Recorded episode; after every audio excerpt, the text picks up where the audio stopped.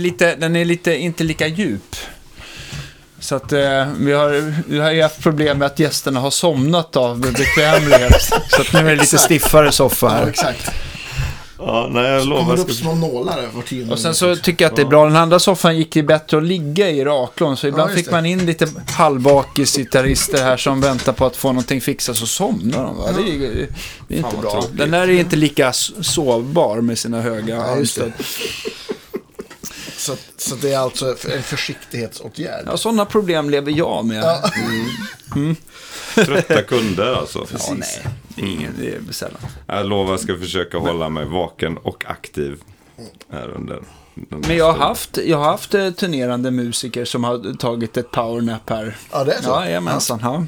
Då Härligt. får man ju, stä- Härligt. får man ju liksom erbjuda Ja, hotell guitar gigs. Va? precis. Ja. Fantastiskt. Ja, men det var innan öppningstid så jag tänkte att det gör väl ingenting. Så. Det ser lite konstigt ut om någon kund kommer in och bara ligger någon, eh, någon Luktar bensin. långhårig rockare. Ja. Ja. Ja, bed- Som bedrövlig människa alltså. Ja,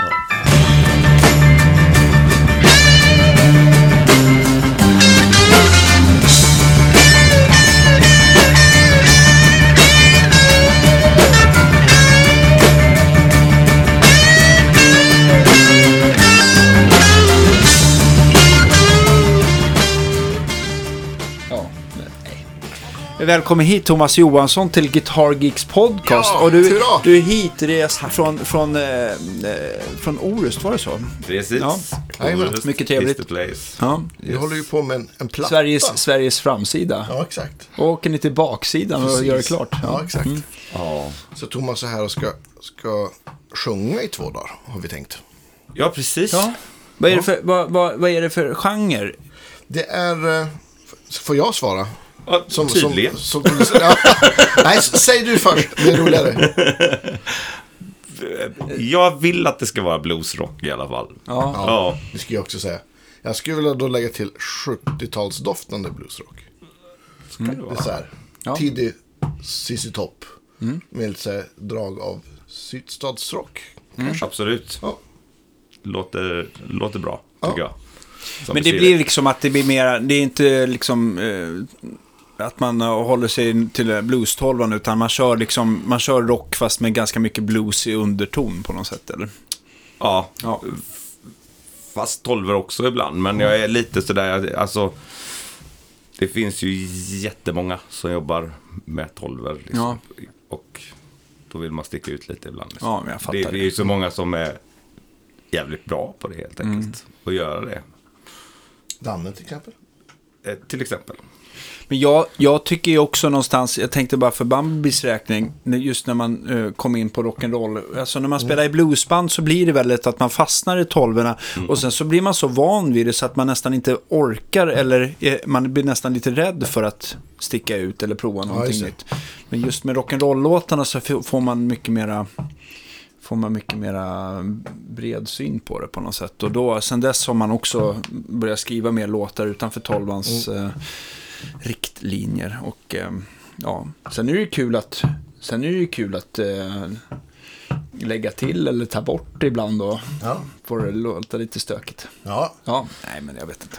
Men jag har, eh, men alltså. Jag älskar ju Allman Brothers och, och, och tidiga ZZ Top-grejer och sånt här. Och då, visst är det blått, men det är ju inte, det är ju inte tolver liksom.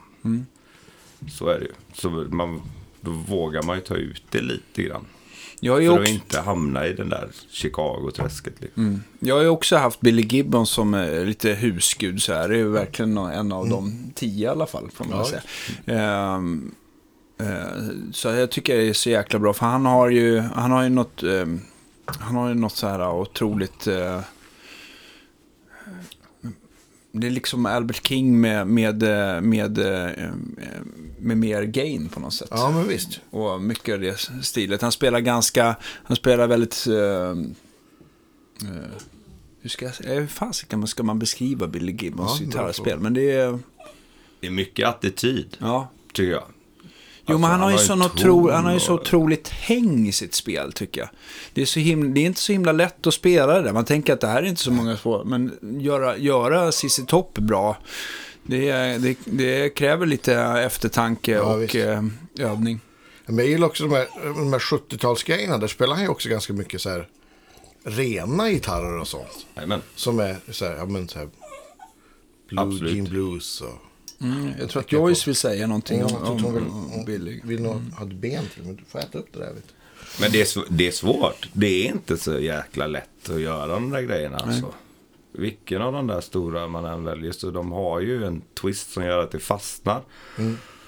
Och då är det inte lätt att göra det. Även om det, det är inte massa toner utan det är bara rätt. Ja men det, precis det, det är touchen och tajmingen som, som, som gör det liksom personliga på något vis. Vilka, vilka gitarrister är det som har varit med i Allman Brothers under... Oj, det är ganska många. Men, ja. Ja, Men det, nämn några stycken som... men Dwayne Nail går ju liksom inte. Nej, det går ju inte. alltså, det ena brod, brod, Ja. brodern. Liksom. Warren Haynes. Ja, Warren Haynes såklart. Ja. Derek Trucks var med på Ja, slutet. Derek och Warren var ju liksom med ganska länge, alltså hela slutperioden. Dickie Betts, Ja. alltså mycket, mycket av Han, Ellen Dorth var ju med där Ja, just också. det. En period. Oh. Var det inte någon som dog också? Eller är jag ute, tänker jag på helt fel band? Ja, Dwayne dog ju alltså Ja, just det. MC-olycka. 71. 71. Så Efter, så är det. efter Fillmore East. Vad sa du att det var för Efter- olycka? En MC- MC-olycka. Ja, okej. Tyvärr. Så, ja. Ja, men Och, och då tog de ju in... Eh, det var då Dickie Betts kom med va? Nej, Dickie nej, var med nej från Dickie var med från början. Förlåt. Jag menar, då tog de in eh, Jacques Level på piano. Ja. För att, först, för de kände liksom att de visste inte, att de ville liksom inte ha en gitarrist till. De tänkte, Nej. hur ska vi ersätta honom? Nej, det var inte lätt att fylla den platsen. Nej. Alltså, Live at Fillmore East är ju, är ju facit på något Ja. sätt. Mm. Även om det är inspelat under fyra kvällar. Men fy fan vad bra det. Alltså. Mm. Finns det mycket alternativtagningar från de, eh, den plattan också? Ja, Ja. det gör det. Går man ut youtuber lite så, så hittar du ju eh, lite eh, filmat material. Mhm. Och då, där är det lite mer fel och vissa tagningar är inte lika bra. Liksom. Mm. Det märker man att de har klippt liksom. Ja, det måste vara rätt skönt och avstressande som band, tänker jag. Att man, nu vet vi att vi filmar fyra kvällar, så för annars kanske man kan bli, om man bara är en kväll, så kanske man blir lite på spänn och då blir det Ja, ja, inte den här magin på samma sätt. Liksom. Men den är ju fantastisk platta. Alltså. Ja, det är det är magiskt att lyssna till. Hans slide är ju helt galet bra. Tycker jag. Ja, jag med. Ja, men, man, man bara älskar det. Så är det. Helt enkelt. Ja, men han är ju liksom slide-gitarrens eh, Hendrix, liksom på något vis. Han Ja. förändrade liksom sättet att spela. Det går liksom inte att komma, komma ifrån. Nej, verkligen. Ton och, eh, och liksom tonval och... Ja, det var fräckt alltså. Jag älskar det.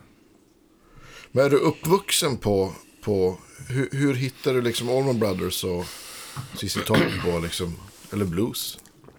Eh, Ska man backa? Alltså, Back- backa så långt vi du backar kan. tillbaka och, och börjar från början. Eh, Jag är yngst av fem syskon. Min eh, äldre bror är född 63, alltså nio år äldre än mig. Och per automatik så var jag tvungen att lära mig hans Johnny Winter-plattor och tidiga Status Quo. Och Sen var bandet i rullning. Eh, jag är uppvuxen då alltså på 80-talet med allt pudelrockande som fanns. Med sånt här. Men det är förbaskat så jag älskar jag ju Stevie Ray Vaughan mer än Judas Priest. Fick man hålla det lite hemligt då, eller var det okej? Det var jättehemligt. För håret var långt och axelvaddarna var stora och man skulle lukta dateparfym och ja. Ha okej urklipp på, på väggen liksom med Kiss det. och eh, Wasp när de käkar rått kött. Just det. Men, eh, men eh, man började liksom, ja, men som det var, jag tror det var så för alla under den perioden liksom. Men för mig var det ju lite hemligt att jag fortfarande älskade de där grejerna. Och de tidiga Creedence-plattorna tyckte jag var jättebra. Och det var ju blues och det skrek om det. Och det gick aldrig över riktigt. Men visst höll jag på med hårdrock några år i ungdomen där. Ja. Bandkonstellationer. Men om du, om du, jag tänker på hårdrocken där, eh, för jag känner igen mig ganska mycket också att man liksom var hårdrockare, men jag också alltid gillar, farsan spelade upp så jäkla mycket blues. Det, Mm. det som jag har spelat, eh, fick mig in mig mycket på var ju David Lindley där i Ja. Mm. tidiga, hans spel så där tycker jag var grymt. Och Johnny Winter såklart. Mm. Farsan hade inte så mycket ZZ Top-plattor, utan det var alltid sådär, jag kommer ihåg att han, uh, ZZ Top kom på radion, och det här var ju 80-tal, så det var de säkert de här Sharp Dressed Man och, och Tush och de här mer uttjatade låtarna, men jag frågade alltid, vad är det där för någonting? Bara, det är ju ZZ Top, så här, "Men kan du inte köpa någon platta? Ja, det, ja. det hände aldrig. Men så var det för mig med att liksom, det första mötet med Sista Stopp för mig ändå musikaliskt Mm. var ju eh, Afterburner-plattan, Eliminator och de här liksom som Ja. Och sen började jag backa. Just det, men Eh, Alltså tillbaka, vad har, vad har de gjort innan och hur lät det från början liksom. Mm. Så blev det. Men, eh, men ändå var det ju någonting i, i framförallt Bill Gibbons lir liksom som Mm. gjorde att man, yeah, det här måste jag kolla upp mer. Jag var mer fascinerad av det än av Yngve och Steve Vai liksom. som Mm, ju ändå var Superheta. mans liksom. Men när det gäller hårdrock, vad, vad har du för band? Är det någonting som du håller kärt fortfarande därifrån, eller har du lagt det under, under sängen? Nej, men ACDC är ju fortfarande Ja. eh, Ja. så jävla fräckt. Så att man svimmar nästan liksom. Fortfarande. Det kan jag inte, det försvinner ju aldrig liksom. På något Det skriver jag under på. Sju dagar i veckan. Ja, men ja, det är ju fortfarande så jävla basic rock'n'roll liksom. Iron Maiden kan jag lyssna på någon gång, men inte så länge liksom. Men ACDC är ändå sånt där, det kan jag liksom sätta på en platta och, och gilla hela plattan liksom fortfarande. Tycker att det är jäkligt bra. Men så här, pojkrummet Orust, vad var första gitarren? Första gitarren var någon Jesus-knäppare. Såklart.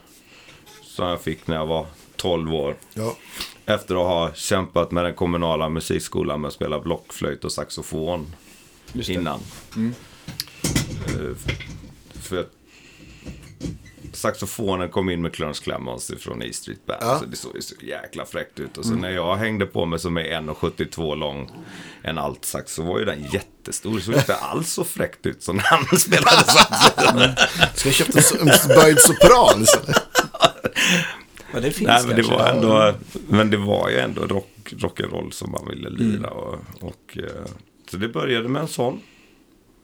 Och eh, en, en grepptabell. Alla i familjen lirar liksom. Eh, För hemmabruk så är det vi är fem syskon, alla fem lirar lite grann. Och pappa, gammal dragspelare liksom Just det. Farfar lirade fiol och sånt där. Så det har funnits, det funnits med musik hela vägen. Men eh, jag har väl lite, lite överaktivitet. Så jag, jag måste ju ta allting längre. Så jag skulle fan spela musik på riktigt. Liksom. Så var det för mig. Envis. Satt där och gneta. Fick någon lektion någon gång senare. Men så vill man ha en elgitarr. Ja. Fick man tjata till sig en sån. En Sigma MM kanske, någon strata-kopia. Just det. Fruktansvärt dålig gitarr faktiskt. Om jag ska vara ärlig. Ja, Den, den levde inte länge med mig, men... eh, men du var glad en liten stund i alla fall. Ja. Ja, men min äldre bror då, Ja. som ju också lirade under den perioden, som hade en 72 Tele blond och en Fender Twin. Det var ju lite bättre än min Ja. Sigma MM liksom, så man var ju där och ryckte i den där och släpa upp hans Twin på mitt rum till slut när han började ledsna. Och så började man Det är byta upp ganska sig. bra hemmastärkare ändå. Ja. Ja, när man skulle försöka få den att styra över liksom, då var ju inte morsan lyckligast. Inte grannarna Satan heller. vad starkt. På landet var ju ingen fara med grannarna, men eh, oj vad starkt det blev. Disten som kom ur den, det var av, det, av fönsterrutorna som skakade. Ja, exakt. Ja, typ liksom. Ja, men det var en silverface, så det var... eh, Ja, det var något läge där man kunde brighta den lite. Och Ja, ja. det var ju mastervolym liksom. Ja, så det. gick ju att, få lite, lite spräck i. Men det var inte vackert alltså. Nej, de distade inte så snyggt de där Nej, mastervolymerna. inte så, inte så Nej, värst. Nej. men, eh, men eh, så började det. Vem, vilken var, vem var första husguden sådär som... Var det någon som... Ja, men då var jag nog på hårdrockarkillarna liksom. Okej. Mm. Ändå som blev lite så uh, Zack Wild, liksom som trots sitt jättestora spel ändå så är pentakille liksom på något Mm, sätt. just det. Ja, visst. För man kunde ju känna igen det lite. Yngve var lite för svårt för mig liksom. Det var liksom, oh jösses vad han spelar. Nyfiken men, men, men det var nog, eh, och så Billy Gibbons då såklart. Mm, just det. Det var, det var rot, roten till allt ont. Jag, kommer inte, Man hamnade där man gjorde. jag Billy tänker var- så här, jag upptäckte ju Zack Wild med, vad kan det ha varit? Det måste ha varit 90-tal när han körde med Pride and Glory. Just det. Men han körde väl länge innan han startade det med Ozzy också. Mm. Men jag vet inte riktigt när han hoppade med Ozzy. Det måste väl... Nej, jag har inte. Jag vet inte, vad, eller jag tänkte, det är väl dit jag ville komma, vad gjorde han innan Ozzy? ingenting. Var, han var ju skitung när han började med oss. Okej. Mm. Det var ju alltså slutet 80... Vad, vad heter plattan? Uh, ja, det står... eh, Det vet jag. ja, men den med Miracle Man är väl första med Zack Wild. Det är det nog ja. Ja. Och det kan, när kan det här vara? Det kanske är åt- 88, 89, kan det vara något sånt? Ja, Jag det stämmer. killgissar här grovt, men... Ja, just det. Jag kom, men, jag, ja, men sen var ju No More Tears var ju liksom med alla de här liksom, Mamma I'm coming home och ja men No More Tears. Mm, Det var ju, blev ju super, superstort. Just det. Men man hade ju också alltså, hört Randy Rhodes lir innan. Liksom, Just det. som ju var, eh, hade jösses bra. Naturligtvis. Ja. Så var det ju. Han var, han var ju fantastisk gitarrist. Liksom, och stack ut rejält. Liksom. Men blev Men det... ändå fanns ju de här brorsans gamla Johnny Winter-plattor och Ja, Ted. Nugent liksom. Och, eh, alla de malde ju där inne någonstans liksom hela tiden under den här perioden. Så jag hade ju lite svårt att hamna helt i hårdrockarfacket. Liksom. Kunde ju inte riktigt tillåta mig att bli helt fast i det. Utan jag, det var det där blåa någonstans som var så Men färgat. hade du något, något band och grejer sådär? Ja, ja, ja. Hur många som helst? Absolut. Jag, så fort jag hade lärt mig ta ett G så skulle jag band. Så fick man Såklart. samla ihop några liksom. Startade vi upp hemma i, i gillestugan i morsan och farsans kåk. Och så spelade vi G. Ja. Högt och snabbt. Nej, men då började man att spela covers och man försökte skriva lite och, och så här. Men det var, jo, det var jag på ganska snabbt. Men, och då var det ju lite, det skulle vara keyboards för det var ju 80-talets fortfarande. Liksom, Just det. 85 här. Europe började dyka upp och Bon Jovi och puderrocken. På tal om pentagitarrister, Norum och Ja, visst. Jajamän. Gary Moore och Ja, Schenker. och- Oj, oj, oj. Ja, Oj, oj, oj. Ja. Jo då, de fanns med och de Mm. satt säkert på idolbilder där. Bland date-parfymsflaskorna på pojkrummet liksom. Så var det ju. Fantastiskt. Men, eh, men det gick ju liksom fram till man var 15, 16, 17 år där någonstans. Och det liksom började, nej, det är trio jag ska spela på liksom. Så att jag, jag, ganska tidigt så, så startade jag upp en liten orkester som heter Clear Eyes Blues skulle vi heta. Det tyckte Ja. jag var skitfräckt. Så spelar man på MC-ställen och de bara Clear Eyes, vad fan röker du brass eller? Vad roligt. liksom. Men eh, ja, men eh, det var... Och där, jag, det, det fastnade direkt. Liksom. Jag tyckte det var så jävla skön form att lira på redan då. Sjöng du då också redan? Eller? Ja, jajamän. Det började med tidigt liksom, och, och våga sjunga. Liksom. För det var mycket att våga sjunga när man var tonåring. Så var det ju liksom. Ja, skulle det funka. Liksom. Men det gjorde det. Eller hur? Man hade väl liksom bara sina bandmedlemmar som, som kunde komma med åsikter och så fick man Ja. lösa på tills det lät bra på något sätt. Ja, Eller? och det är samma Ja. för dig. Nej, men alltså, jag var nog inte... jag- Jag hade nog... Det kan jag nog känna än idag, att det inte alltid är så himla lätt att... att även om jag också spelar på trio, att det är så himla lätt att spela allting och sjunga samtidigt. Ibland så blir det, blir det som att det krockar i huvudet lite grann för mycket. Men, men då var det verkligen svårt att spe, göra två saker samtidigt. just det, jag ja. tror att det var aldrig min grej. Jag tror att jag bara var, bara, var någon slags sideman och bara spela snabba gitarrsolon. Så fick någon annan sjunga. Men, eh, men jag upptäckte eh, långt senare eh, glädjen med att vara ensam gitarrist och spela på trio. Ja. Men det är läskigt på ett annat sätt. Jag, jag tyckte ju när man, när man började med det att det var mycket... Helt enkelt, man fick, man fick plugga liksom Mm. sitt, sitt gitarrlir, att det blev muskelminne. Ja, eller hur? Det var liksom så starten för att få det till att synka Just på något det. vis. När man skulle spela ett riff som inte helt stämde överens med vad du sjunger liksom Mm. i rytmik och så. Så man, då, då, man, man fick plugga in det helt enkelt Mm. i muskelminnet liksom. Och, då, och, och när man hade brutit den tröskeln på något vis så, så, så, så funkade ju det. Då vågade man ju liksom Ja, det lita på att det lättare. funkar helt enkelt. Just det.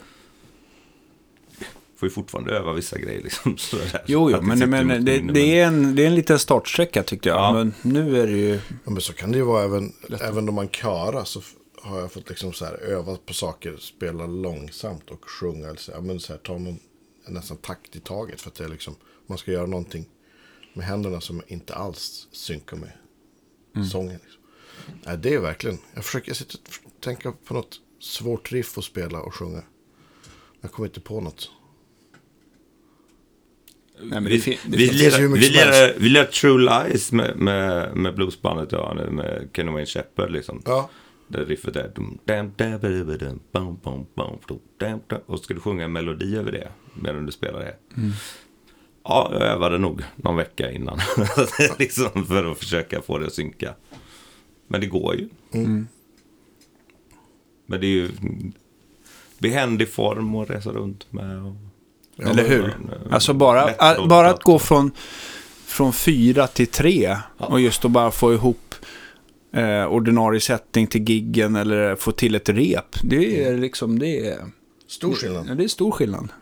Ja. Så är det. Ja. Absolut. Många procents förbättring. Men jag, Logistiskt. ja, med, när vi startade trion, kom ihåg, vi var ju sexmannaband, två saxofonister och en pianist. Och bara, alltså det var ju som, vi stod och tittade på varandra, hur, vad fasiken, har jag inte tänkt på det här tidigare för? Blev så, allting blev så enkelt. Alla kom i tid. Ja. Ja, och så vidare. Alla ville bära. Ja, Jag tycker det är kul att hoppa in sådär liksom och vara någon extra snubbe liksom. Och då tycker jag det kan vara kul att hoppa in i ett gäng och, och man är flera på scenen. Det är ju roligt att vara många och musicera. ja. Men som koncept, liksom, jag ska ut och gigga. Då är det behändigt att vara tre liksom. Ja. oslagbart. Det är bra, snabbt att rigga.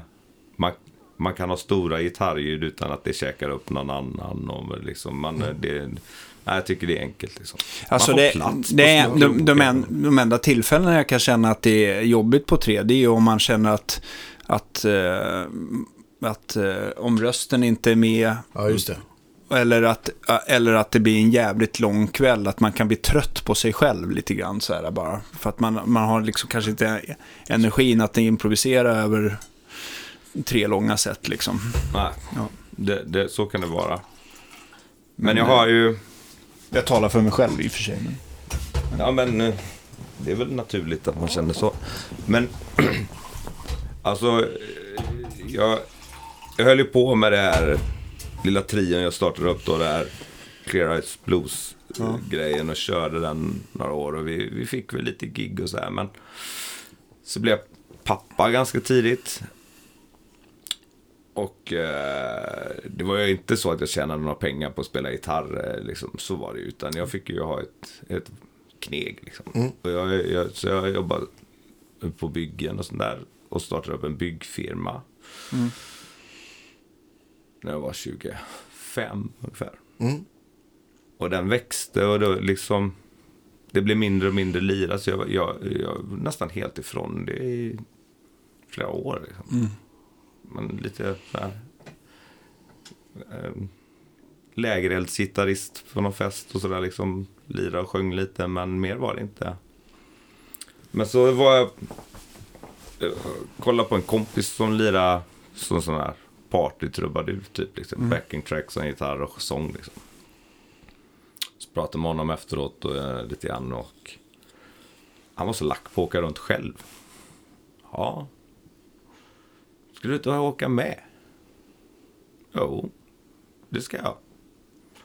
Och sen var man ju... Ja, då var man ju igång igen. Just det. Ut och lira liksom. Och det var ju jättekul. Också enkelt koncept liksom. Men hur kändes det att, eh, för det är ändå lite annorlunda mot blues-rocktrion där tänkte jag säga. Hur var det? Jättekonstigt. Ja. jag ska vara ärlig första gången bara. Men lägg av, jag vill ju inte lira det arret nu idag. Men eh, så var det ju. Mm. Men det tar ju tid innan man kommer in i det och lira mot backing tracks. Det var ju inte så lätt. När man hade varit van vid att man kunde räkna in låten själv i det tempot som passar mig. Ja, visst. Är det är ju helt oförlåtande vad det gäller form och arrangemang. Men det fanns ju mycket jobb. Ja, Alla sommarkrogar på västkusten liksom. ja visst. Ja, men vi, vi pratade om det igår också. Det, det är ju liksom... Där du bor så har du ju inom tre timmars radie en fruktansvärt massa ställen att spela på faktiskt. Ja, det finns det. Det finns ju inte alls i närheten så mycket spelställen som här. Som det gör där. Särskilt på somrarna då liksom. Man har ju tre månader på sig egentligen, om man ska vara ärlig. Och tjäna in sitt år. Men, men, men det blev ju en bra... Det, det blev ändå så att jag kom igång med det där. Liksom, och, och det var ju liksom, fick verkligen ruskat liv i mitt övande igen. Liksom, Att man, man tog tag i och började lira igen på riktigt. Och, och sjunga och liksom... Det var en nyttig skola. Men sen så tänker jag också den typen av gig, man har inte riktigt samma sound och, eh, och eh, volym att gömma sig bakom heller riktigt. Det är, man blir lite mera blottad för Ja. publiken på något sätt. Eller är det bara en, jag som får för mig det? man hajade ju ganska snabbt att eh, här, här kan jag inte stå med min gamla Marshall JMP med 412 under och en Super Overdrive för att knuffa på den. Och en wah Utan här, jag måste ju ha ett mer lättroddat koncept och jag behöver fler sounds. För det är ju liksom spektrat på vad du lirar i, det är ju ifrån Carola till Metallica liksom. Just det. Så du behöver ju ha lite mer vid fötterna liksom. Så de där multieffektspedalerna blev ju snabbt kompisar liksom. Vad, var den första sådana du skaffade? När var det här? Är, är vi, när är vi, är vi på... Ja men nu är vi nog framme, vad kan vi vara? Säg 15 år tillbaka från idag. Vi är ju redan på 2000-talet liksom. Så att den första var nog någon sån här Vox. eh, Ja, just det. Tone Lab eller? Ja, Tone Lab var det. ja. Just det. Mm, just det, den mörkblåa där. Men de, eh, nej, den var ju okej liksom. Ja. Men jag tror att den lät ganska bra för sin tid, gjorde den inte det? Ja, men jag kom, det var väl Särskilt. Vox, Vox stärkarsimuleringen lät ju bra. Liksom. Ja. Det först, märkte man ju liksom att det var där de hade bränt krutet. Mm. Det var ju rör i Ja, just det. fanns ju, fanns ju som en stärk också. Jag för mig att det var samma, den här pedalen var liksom... Jajamän. rättare sagt, stärken var den här pedalen fast Ja. med slutsteg och två tolv. Just det, men de Precis. gjorde väl någon sån här desktop-variant också va? ja, eller? ja, men precis. Jo. Som Ja, en blå liten fyrkant. Ja, men precis. Exakt. Men den tror jag för mig att man sålde ganska, den, den hade man ju när man jobbade på Deluxe Just 2005. det, Den ja. sålde man en del, har jag för mig. Ja, det var okej Ja. högtalarsimulering. Liksom. Ja, men som jämfört med den röda podden så var det många som föredrog den. Ja. Just det. Men den funkade ju. Det är liksom Mm. programmerbart och, och smidigt. Och rätt i P liksom. Mm. För det ville man ju ha. Har du tyckt att just att som ett sånt typ av band när man spelar mycket covers, har du tyckt att det har varit till stor, alltså att det har bidragit till att du har blivit bättre låtskrivare själv, att man får spela alla de här hitsen och att man liksom snappar upp även, inte medvetet eller omedvetet. Låtskrivarmässigt vet jag inte så mycket, men, men framförallt att lära sig hantera publik ifrån scenen. Mm.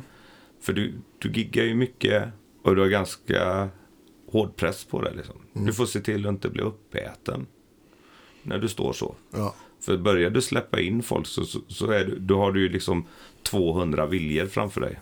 Och Ja, alla vill ju höra sin favoritlåt. Vilken var den vanligaste favoritlåten som kom på tal tror du?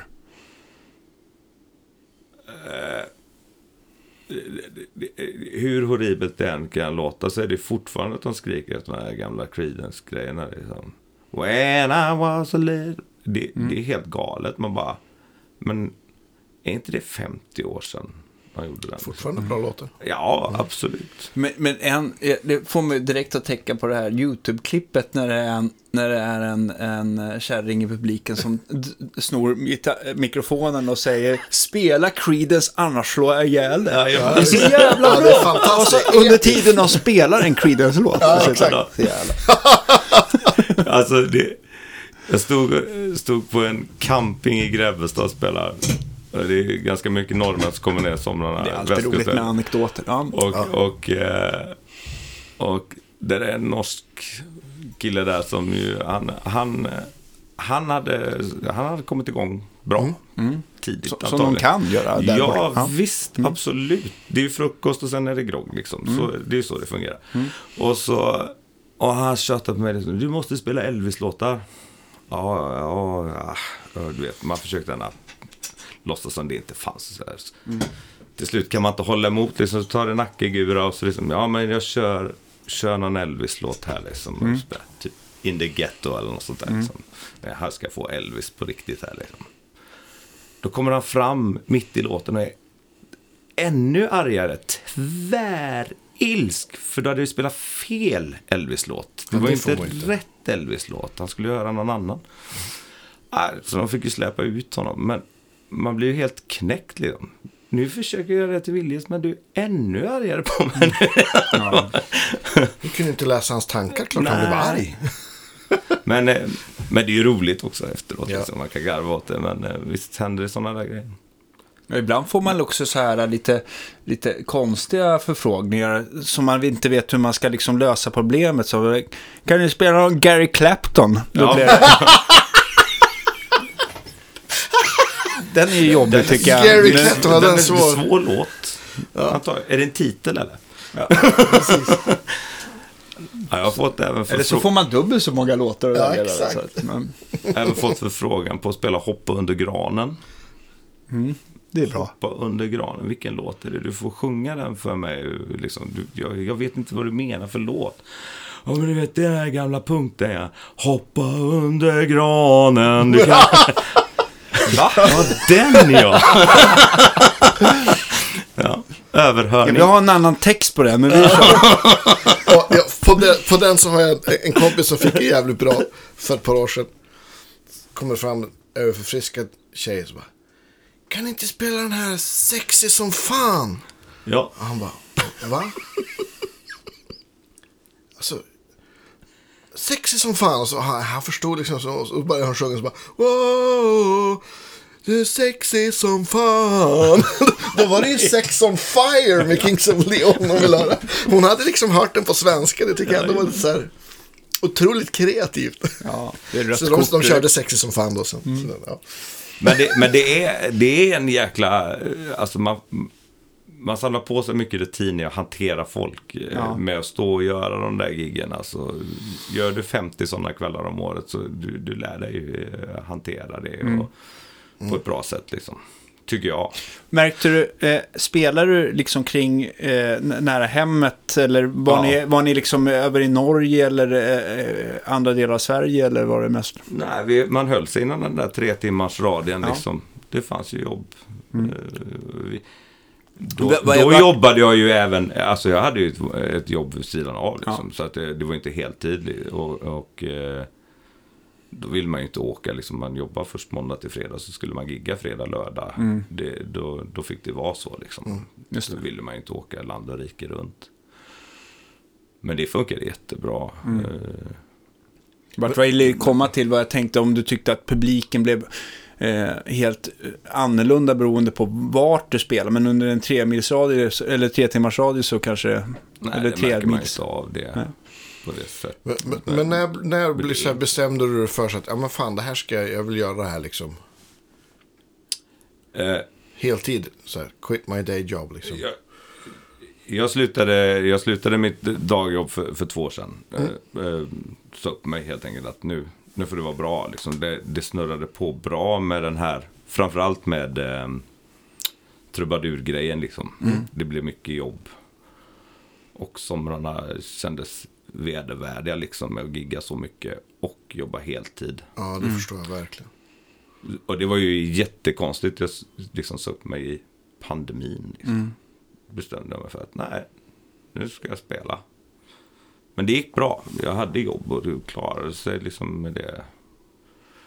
Eh, Men det var ett klokt val. Och jag startade upp mitt bluesband något år tidigare. Liksom, den här tiden också då. Vid sidan av. Liksom, för att få lira på riktigt igen kändes det som. Det blir lite karaokevarning ibland känner man. man står och lirar mot de här backing tracksen. Och Ja, men det är skönt att Don't ha... stop believing. Och, liksom. men, eh, men det var nyttigt.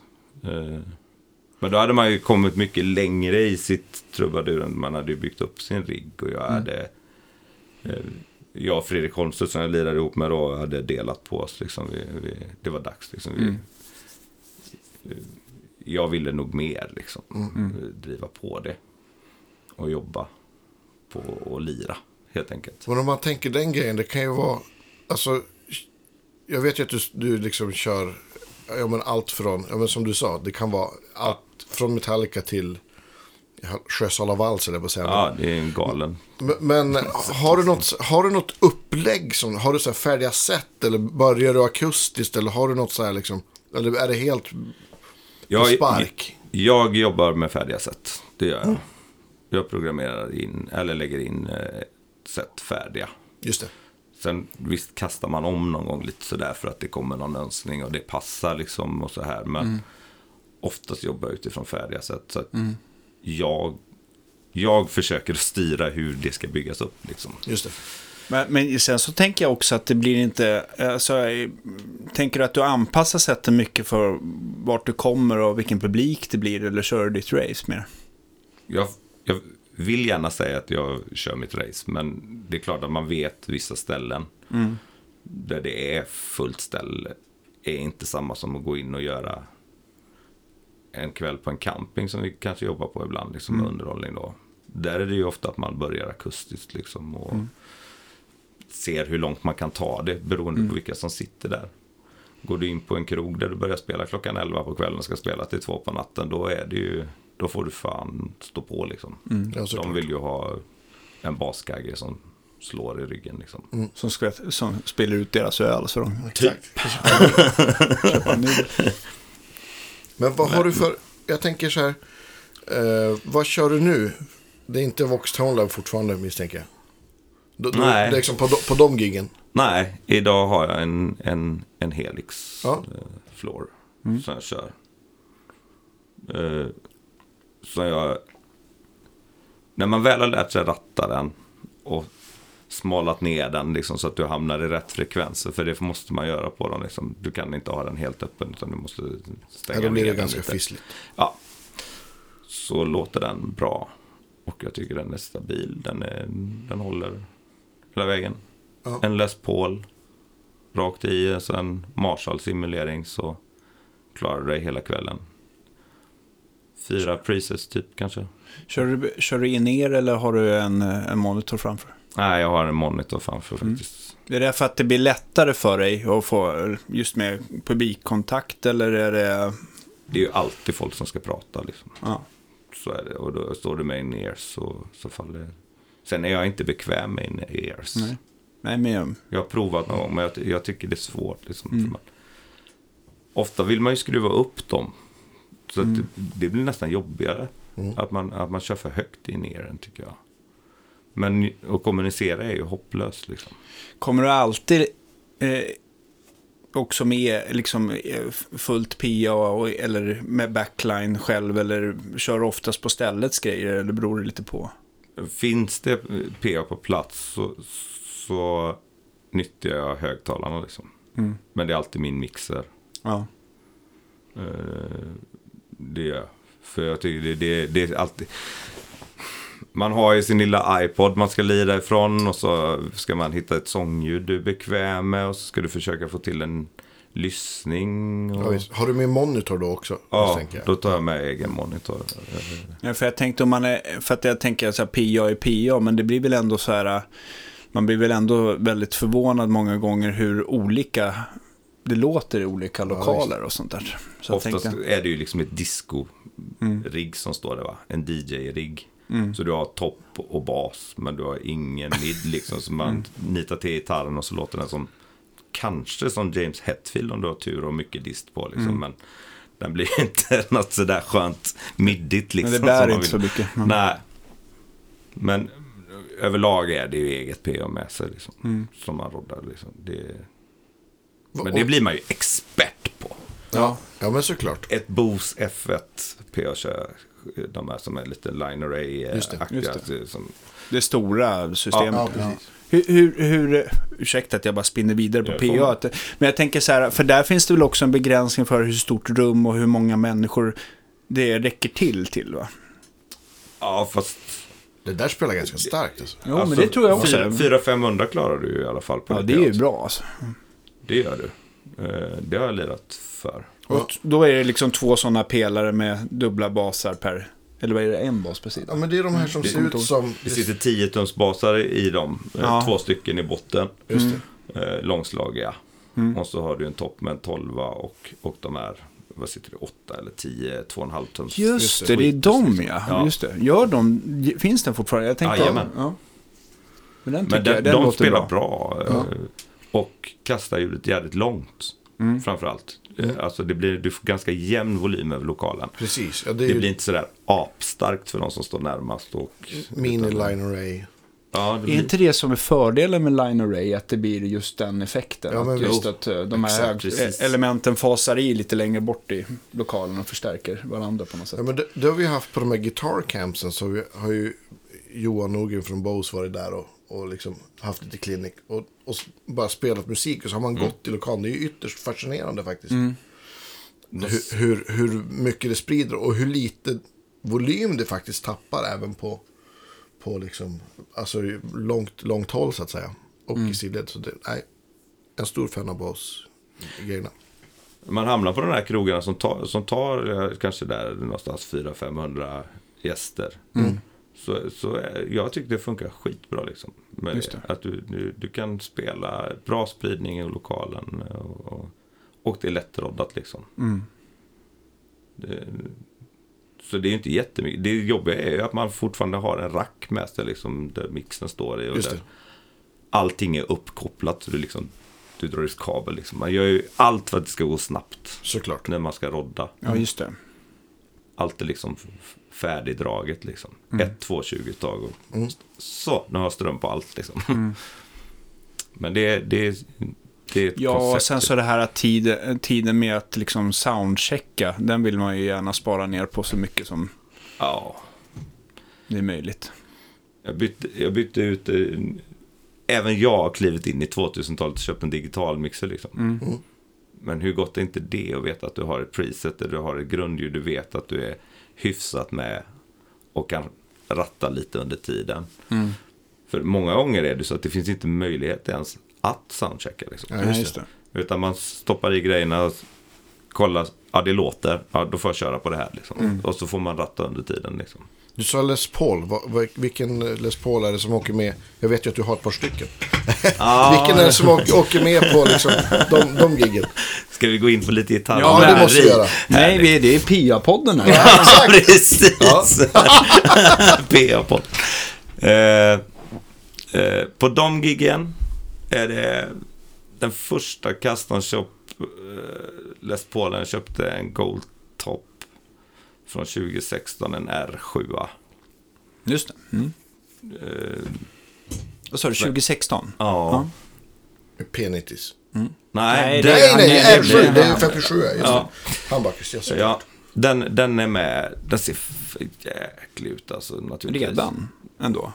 Alltså, den är inte Ja. så gammal. Nej, Nu har- nu har- men den får ju... Ja, Men var det någon, någon sån här agead variant från början eller har du, du har skavt in den av Thomas blod, svett och inte tår? en fläck på den. Det var en samlare som hade haft den innan. Jag köpte den av Mattias på mugg i, nere i Göteborg. Mm.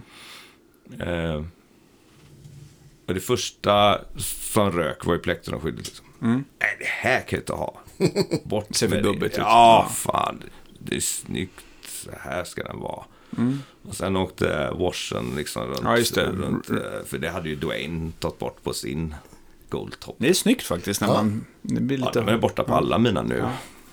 Och sen börjar man ju, ja, första två veckorna var man ju jätteförsiktig. Liksom, "Uff, kolla vad fin den är, vacker. Och sen Sen råkar den välta på scen och sen var man igång. jeansjacka på sig för det ska se tufft ut när man står och spelar. Va? Ja, Ja, just det. Och lite rocker liksom när man står på scenen och ska hetsa publik. Och idag ser den ju inte klok ut, men, eh, men den spelar bra. Vi får lägga upp någon bild på den. Ja, då, det kommer bilder, jag lovar. Bra. Men den, är, den, är, den, den är, har varit med mycket. Sen Mm. har jag en, en Les Paul Tradition från 2018 som också ibland är med. När man känner att jag kanske inte vill ställa en gitarr för 40 000 på scenen idag. Tycker att det är jobbigt att gå mellan halsarna för den tradition är väl oftast lite mindre va? Eller nättare. Ja, det kan vara lite så eh, ibland. Men om du gör många gig på en vecka så kan det ju vara så att du börjar bli trött. Mm. Och då, då kan det vara bekvämt faktiskt att gå ner till en mindre hals. Mm. Just det. eh, och spara lite på handen, vänsterhanden liksom. Ja, absolut. Det är så här, riktigt feta halsar, de, de känner man fan det här är kul, det här är jag. Och sen så, men man, de, de, de suger ju energi ur. underarmen. 57 har ju, det är ju ett rejält basebollträ liksom. Mm. Men jag gillar dem. Mm. Och de är stabila. Ja. Alltså det, det, det, det, stäm, det, det stämmer inte om sig på samma sätt tycker jag. Det- Alltså med det här, framförallt med temperaturväxlingar liksom. In och ut ur bilen, in på en varm krog liksom. Och, Ja. Det blir inte några onödiga sweeparpeggion. Absolut inte. Nej, men jag tycker de är stabila, eh, de här större halsarna. Eh, Och jag gillar det. Det blir en lite fetare ton enligt mig med dem. Så den, den, den är med på de giggen. Oftast. Nej, men jag, jag, jag håller med. Jag tycker också om fetare halsar, men det ska ju vara... Ja, Inte som Jonas Göranssons Telecasters tänker jag på. Det är nog den tj- tjockaste hals jag känt på. Ja, ja men den, den slår alla rekord. är när han, fick. Mus Ja, ja, precis. När han fick eh, Musicraft att tillverka, vad blir det? 20% tjockare än deras fetaste. Nu snackar vi. Ja, för fan. Det, är, det finns ingen blixt i världen som, som får, får en att känna sig rädd när det slår ner. Ja. Men Men så, tänk ändå tungt alltså. Det, det, det är ju lite... massa. Ja, men han, det, han, jag tror att han är ju sån här, äh, ja, han är ju kanske Sveriges starkaste gitarrist, Ja, förvisso va. Men, Jo. men, men, eh, men Han eh, och Pelle. precis, precis. Ja. Men eh, jag, tror att han, jag tror att han tycker att det blir, eh, för honom blir det kul när det blir, när det blir tufft på något sätt. Att det är Just den här eh, otroliga halsen, kanske eh, tjocka strängar och relativt hög stränghöjd. Liksom. Och sen så, jag har aldrig sett någon le så mycket som när han lånar ut gitarren till någon annan. Så ska komma ut och gästa. Skyll dig själv. Ja. Okej. Men stränghöjd är också en sån där grej som man... Jag vet, jag fascinerades av det när jag köpte den här R7 liksom, som ju var ett så fantastiskt bra instrument. Liksom. Man hade ju liksom inte varit på den nivån riktigt innan. Jag hade ju haft någon Music Man och någon PRS och så här, men jag tyckte de var lite, får man säga tråkiga? Ja. Ja. De, de, liksom, de är jättebra. Men eh, liksom Det är rakt, det är rakt och snyggt. Ja, de har ingen personlighet liksom så. Men, men då kunde man ju liksom skruva ner jäkligt mycket strängar. Men idag är det inte så. Dels leder det till slide när jag lirar med, med bluesbandet. Mm. Och så tycker jag att det tappar ton liksom. När du, när du skruvar ner så in i helsike mycket liksom. Att du lägger dem för nära. Du får inte riktigt den sustainen att det vill hänga och det sjunger inte på samma sätt. Nej. Man vill ha upp den lite grann liksom så att det... Det är väl också... Man ska kämpa lite man, grann. ja, men jag, jag gillar nog det också. Eller jag gillar det mer också. Men jag tänker så här med stränghöjd. Jag tänker att de som har så här väldigt låg stränghöjd kanske oftast har en, en mycket lightare touch. Så Mm. där tänker jag. Att de kanske inte spelar så hårt. Tänker du som justerar gitarrer dagligen. Alltså, det som Music Man, det är ju nästan, nu, nu har det väl kommit några setneck-gitarrer som har lite fetare hals, men jag har alltid tyckt att de har varit så här försvinnande små. Det blir ju för nätta halsar och det ska... eh, jag spelar alldeles för mycket arpeggion på dem. men, men, nej, men det som jag tycker kan vara lite med, med PRS och, och, eh, och, eh, och Music Man också, det är att man har fått prova så himla många nya.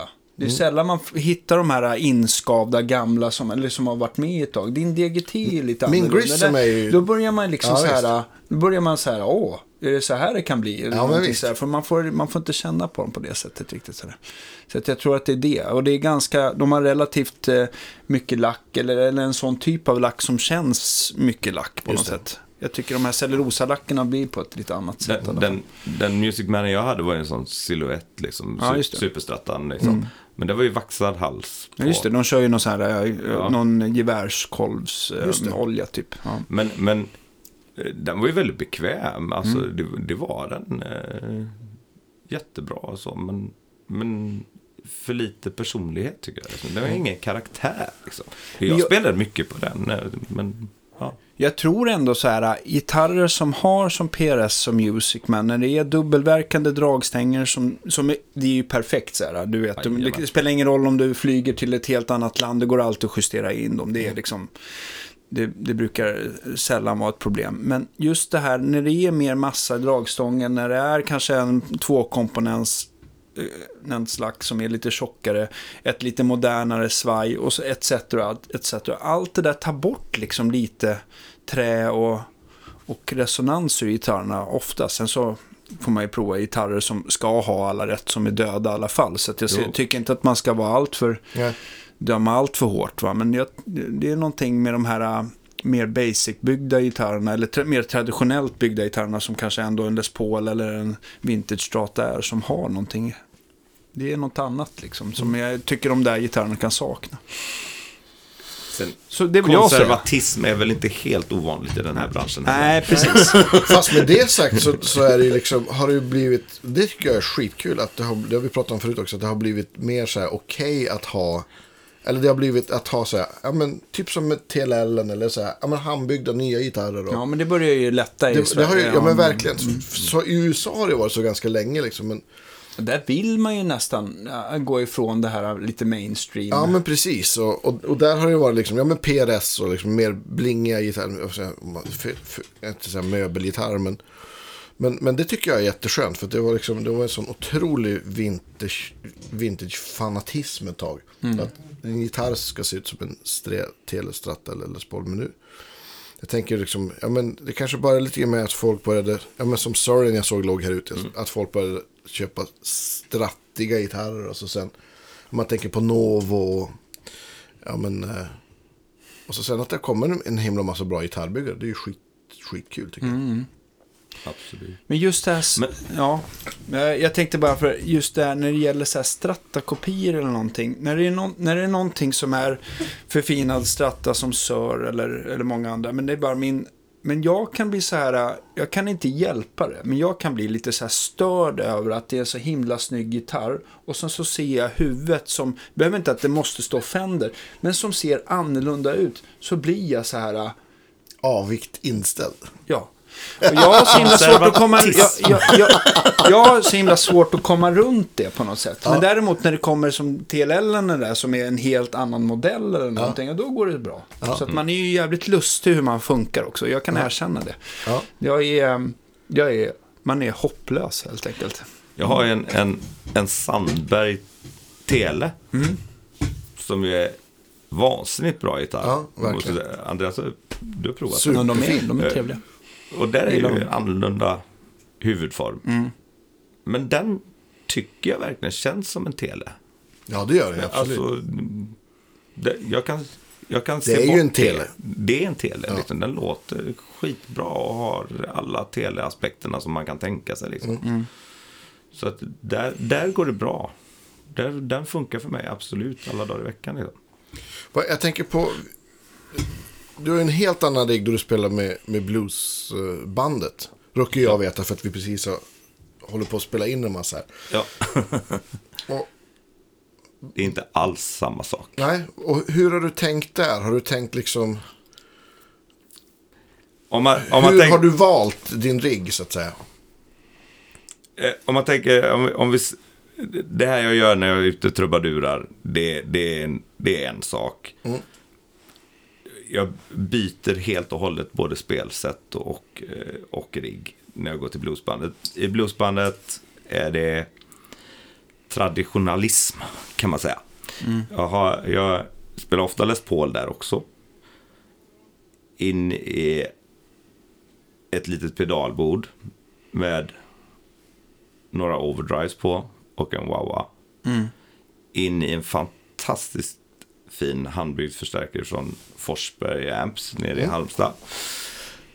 Eh, som ju är en Tweed Deluxe.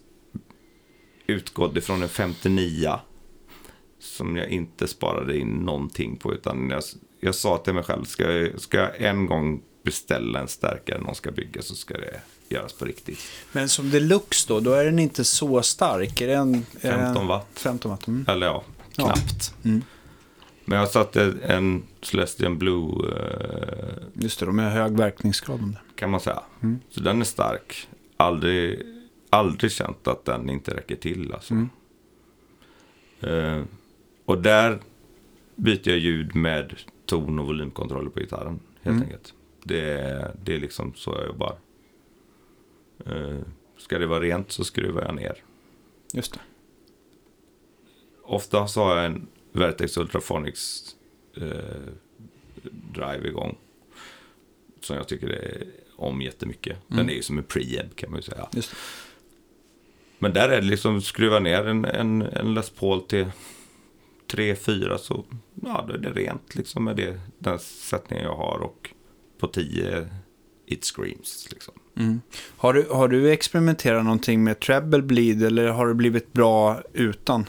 Ja. Inte på Le- Les Paul, nej, där funkar det. Jag tycker den är bra. Nu, där använder jag oftast en... Det är ju en gitarrpodd så vi får ju prata gitarr. Ja, ja. Ja, En, det går bra. eh, en Les Paul R9. En Bloomfield som bara byggde, de byggdes ju bara 2009. Eh, ruskigt bra gitarr måste jag säga. Och där, jag, jag tycker inte att jag tappar diskant på ett sätt som jag inte vill. Utan eh, när jag rullar ner och det rullar av lite diskant så, så funkar det för mitt sätt att lira komp. Liksom. Men, men det där är ju, alltså om man tänker på gamla fastface och sånt där som rensar upp väldigt snyggt på volymkontrollen. Det var ju ingen som hade treble bleed och det låter ju asbra. Så att det får man får ju lyssna in. Ibland så på vissa pedaler och vissa stärkare när man rullar av så blir det så bara dött och instängt och sådär. Då får man ju liksom rädda upp det. Så jag tycker inte att treble bleed är en lösning i alla sammanhang eller i alla gitarrer och sånt där heller. Och sen så kan det vara lite vanesak att man vill att Ja, det ska bli på ett absolut. visst sätt. De, de som jag tycker oftast man hör med Treble Bleeds är ju de Stratta-killarna. Jag har, jag har en jättebra 56 Issue Custom Shop Stratta. Mm. Men jag tycker den är så bright liksom. Mm. Så där vill man oftast rulla av volymen för att få bort lite topp. Liksom. Det är Mm. sällan jag spelar den på 10 liksom, med bluesbandet. Men, men eh, för jag tycker den blir så jäkla skarp. Och stallmick använder jag nästan inte på den. Liksom, för det, det, det är mittläge eller halsläge. Liksom. Det kan ju vara en grej om, för så här 56 Reisius, de ska ju kanske rent av tradition inte ha någon tonkontroll inkopplad. Det är ingen inkopplad Nej. nu. Nej. Och när man kopplar in den, alltså att man låter att uh, hals mitt dela tonkontroll och så, så stallmick uh, får en egen. Då brukar det också ta bort, även om den är på max, så tar den bort lite av det här hifi-vassa längst visst. upp. Sådär. Så att det är en ganska vanlig mod som man kan göra. det tycker jag är nästan, för mig är det ett måste. Ja, det är ett liksom måste tycker jag också. Mm. Eh, sen, på sen så finns det en annan... gång Sen, sen finns det en annan mod som är ganska trevlig och det är att man köper en sån här induktansplatta som sitter under en telestallmick. Ja. och kopplar in den. För det gör att den, vi har ju pratat om det, Just det. i Lundgren-podden lite grann, Just men det. det gör att eh, i alla fall att den här lite den här köttiga lågmidden kommer upp lite grann. För stallmicken blir så jävla smal på en stratta oftast och det är nästan det man får alltid kämpa lite emot. Ja, men precis. Att, att få liksom lite mer lite smal. balanserat mot, mot de andra mickarna. Ja, Ja. jag tycker det blir bra. Ja, jag har en, en, en kul spaning på det här med treble bleeds. Ulf Edelön var förbi som, ja men, eh, som har varit gäst där och har, har Ultimate Gu- Guitar Gears-podden också. Bra det. podd för övrigt. Kolla in om ni inte har kollat. Eh, han, han hade med sig sin eh, Frank Brothers-gitarr.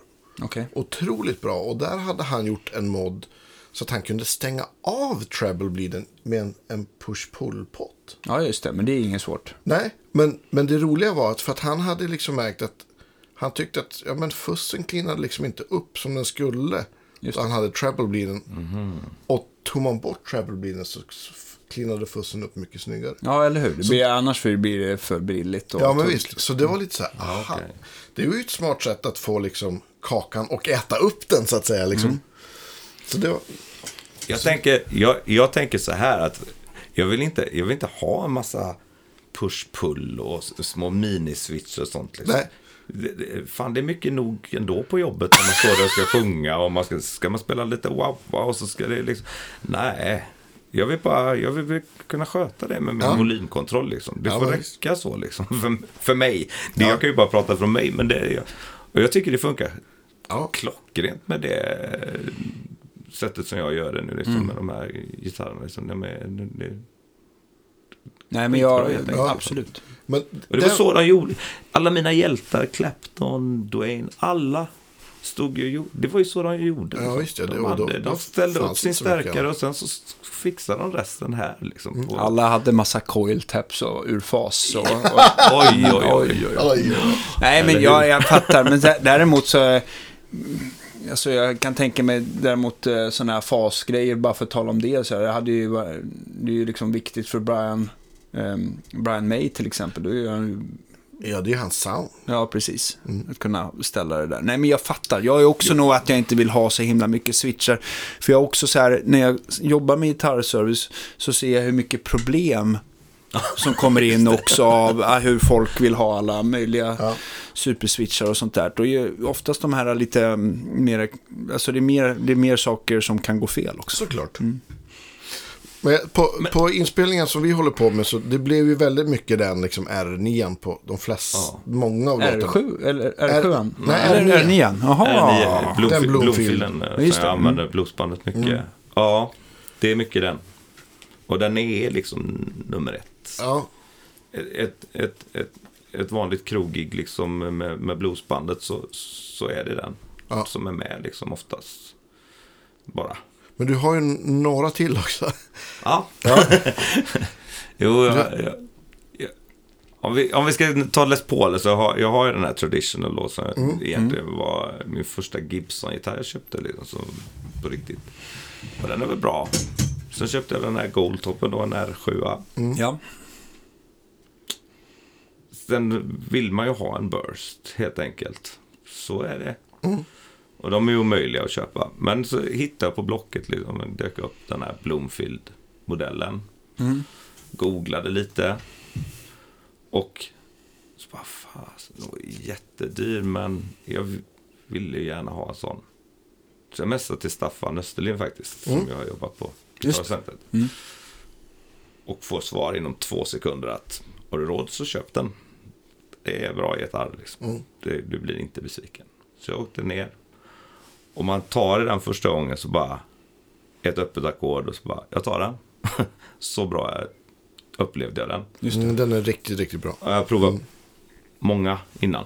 Men det- herrejösses vilken skillnad. Hur, hur var halsen på den? Var den också åt eh, det tjockare hållet eller? Den är tunnare än, än, än 57an eller R7an. Det är den. Men det är fortfarande det är fortfarande rejäl hals liksom, om du jämför med, med en 60 eller Slim Taper halsarna det. som kom sedan. Just Så den, den är bra, den är stabil. Men den har en eh, fantastisk ton i gitarren i sig. Liksom. Den sjunger bra, Den är ganska snappy liksom. Den är, den är kvick som en tele nästan liksom. Mm. Sådär. Och inte så starka mickar liksom. Jag tror de möter 7 7,7 eller Mm. något sånt där. 7. Då brukar de ju bli lite singelcoiliga Precis. Den är sprillig. Ja. Men det, det passar bra liksom, Mm. till konceptet. Men det är, har du behållit eh, originalmickar i alla dina Les Pauler eller har du hållit på och bytt? R, R7 är det faktiskt bytt mickar i. Ja. Eh, Det sätter jag i eh, Demasios 36th Anniversary-mickarna. Mm. Är du nöjd? Ja, Mm. det är jag faktiskt. Satt ju custom bockers i den, men, eh, men det var någonting som, som... Den svarade inte riktigt bra tyckte jag på volymkontrollen med de mickarna. Det någonting Ja, ja som visst. gjorde att det, det, det liksom inte...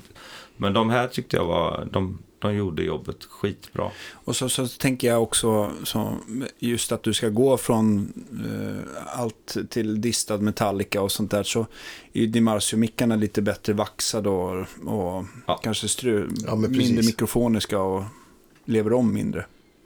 Ja, till den grejen funkar det jättebra. Ja. Eh, Så det- den, det, det blev jättebra. Men i Bloomfielden sitter det i eh, de... eh, Det är det är ju Burstbuckers 1 och 2 liksom. Mm. Från 2009. Men de, någonting med dem är, sticker ut liksom. De, Mm. de låter jättebra alltså. Mm. Ja, men det är också det här Jäkligt liksom, dynamiska. Det börjar ju liksom någonstans med gitarren och det är väl en bra Ja. matchning liksom. Helt enkelt. Ja, De, de har väl, ja, så är det nog. Träet i den är ju, är ju det, man, en annan klang liksom. men du har fler Mm. Les Pauler också. Jag har en, en R4. Jag vill ju ha en P90 liksom. Ja, så du har wraparound också. Wraparound och P90. Så Gigantisk hals. alltså. Ja. Men den är jättehärlig. Mm. Den är också med på plattan när vi håller på att Mm. spela in nu. eh, De låter ju jäkligt träigt och gott alltså. Mm. Använder den när jag sitter hemma och skriver och spelar in lite grann så, så använder jag den jättemycket faktiskt. Eh, använder bara en, en Marshall DSL och använder emulated, ja, högtalarsimulerad ut liksom för att Mm. skona familjen. Och då låter den jättebra alltså. Det, det, det måste jag säga. Härlig gitarr. Hur, hur skulle du beskriva soundskillnaden mellan den kontra din R7 till exempel? För att den, det är ju både, det är inte bara att det är P90, det är ju även ett uh, wraparound på den också. Wraparounden ger ju jättemycket sustain, tycker Mm. jag. Mm. Du får ju mindre metall, men det går direkt ner i kroppen. Mm. Du upplever jättebra. som att den ringer längre liksom. Mm. Ja, det, det tycker jag. Och sen är det klart att skillnaden mellan P90 och humbuckers är ju stor. Så är det ju liksom. Det är en, en bra överlindad single coil. Mm. som blir jättefet. Och rullar du av den blir den ganska toppig. Den, den, den, botten i en P90 försvinner ju mer tycker jag när man rullar av på volymen. Okej. Mm. Mm. Det är min uppfattning Ja, ja, visst, genom min rigg. Och det, men det låter bra. Den är den träigt liksom. Gött som fasen. Mm. Men det är stor skillnad. Det ger ett nytt sound. Så den, jag borde väl använda den mer live liksom för att bryta av ljudmönstret i, i bandet. Får ta med den som backup och så står den där och blänger på det så kommer du plocka upp den ibland. Det gör man. Ja. Är den med så spelar man på den. Så är det. Men, Bra men, gitarr. men just om, eh, med bluesbandet då. Mm. Eh, brukar du, är alltid Bloomfielden med eller hur brukar du, vilken gitarr brukar du välja? Är det lite dagsform? Ja, den är ju, det- 90% är det den. Mm. Ibland min 335. Jag Mm. råkar ju ha en sån också. Mm. Som ju också är jättebra gitarr. En 89, tunnare hals. Lite vassare mickar. Men jag tycker i och för sig att det passar till den. De brukar ju låta väldigt stort inpluggat, Mm. 335 Att de, den här eh, halvakustiska eh, kroppen brukar bidra med lite tjockt mellanregister sådär. I- på just den, de mäter ju betydligt mer de mickarna och så här. Så, och för att få dem att matcha mot mina andra Les Paul så, Mm. har, så har jag sänkt mickarna lite grann på dem faktiskt. Mm. Tagit ner dem lite för att matcha in det och få bort det allra bumligaste i botten. För soundet jag använder är ju det är inte sprilligt om man säger så, utan det är ju ganska, det ska ju låta som en Twin på 10 liksom. Om man hade kunnat göra det någon gång. Liksom, det är ju dit man vill eh, hän liksom. Men när jag sänkt ner mickarna så får jag bort lite av, av proximityn och då, då, jag tycker det matchar bra. Då funkar det bra liksom. Det den vara sjunger också heller. särskilt halsmick. Är ju det ett bra sätt för att få bort liksom.